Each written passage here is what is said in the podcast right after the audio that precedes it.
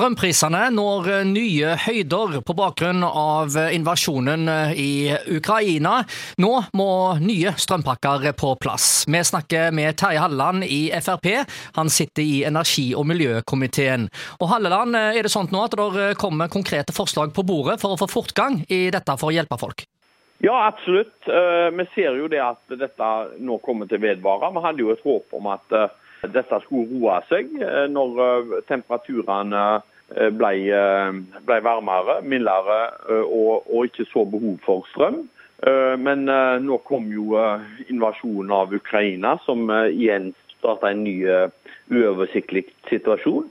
Så her hadde vi håpet på at regjeringen av seg selv hadde kommet og gitt beskjed om at de kom til å forlenge ordningene utover nå som mars. Eh, vi ønsker jo i utgangspunktet bedre ordninger eh, enn hva de har kommet med. Og, og ikke minst eh, så ønsker vi at de skal òg inkludere næringslivet. Så nå får vi se hva som, hva som skjer. Men jeg kan ikke tenke meg noe annet enn at regjeringen vil komme tilbake med nye pakker før mars, eller i god tid før mars er ute. da.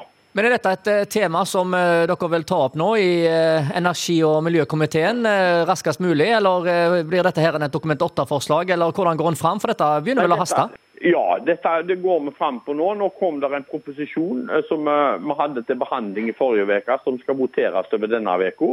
Som går på at en utvider dagens ordning med å gjelde borettslag og, og litt, litt, andre som, som ikke ble tatt med i den første runden. Eh, så, og I dette forslaget her så, så, vil vi fremme forslag om at eh, ordningen må, må forlenges utover 1.3. Og, og så får vi se hva reaksjonen regjeringen gjør på det. Men vi kommer til å fremme forslag og, og holde denne debatten levende, sånn at regjeringen skal få føle presset på seg at her trenger vi ordninger som går utover. og og, og, vi har vel sett før oss at uh, en nå bør si at uh, dette er ordninger som bør gå ut juni måned. Ja, for Med økte energikostnader i Norge så får vi òg eh, lønnspress, og dette kan bli en utfordring i forbindelse med lønnsoppgjøret? Ja da, dette er bare en snøball som, som fort begynner å rulle. med At du får prisstigning, som igjen gir prisstigning på nye varer. Vi har sett innenfor landbruket spesielt, der de er bekymra for å sette i gang eh, forskjellige produksjoner pga. at råvarene er blitt så passe dyre, og de har ingen garantier for hva de får for sluttproduktene sine etterpå. Det ser vi nå på, på, flere sektorer. Eh, og Da er det klart at da har en ikke noe annet valg enn at en må gå til eh, arbeidsgiver og forlange mer i, i lønn.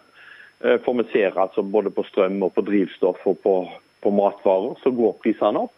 Og da er det, eh, hadde vært så mye enklere hvis regjeringen allerede nå hadde signalisert at dette skal kompenseres. Norge er tross alt i en helt unik situasjon. Som nasjon så tjener vi store penger på denne krisen som Europa og, og verden for så vidt uh, står oppi. Og hadde hatt uh, ingen problemer med å, å kompensere uh, både innbyggere og næringsliv her på en sånn måte at man hadde skapt forutsigbarhet og skapt en trygghet for for morgendagen som òg vil komme. Og Det sier altså stortingsrepresentant Terje Halland i energi- og miljøkomiteen.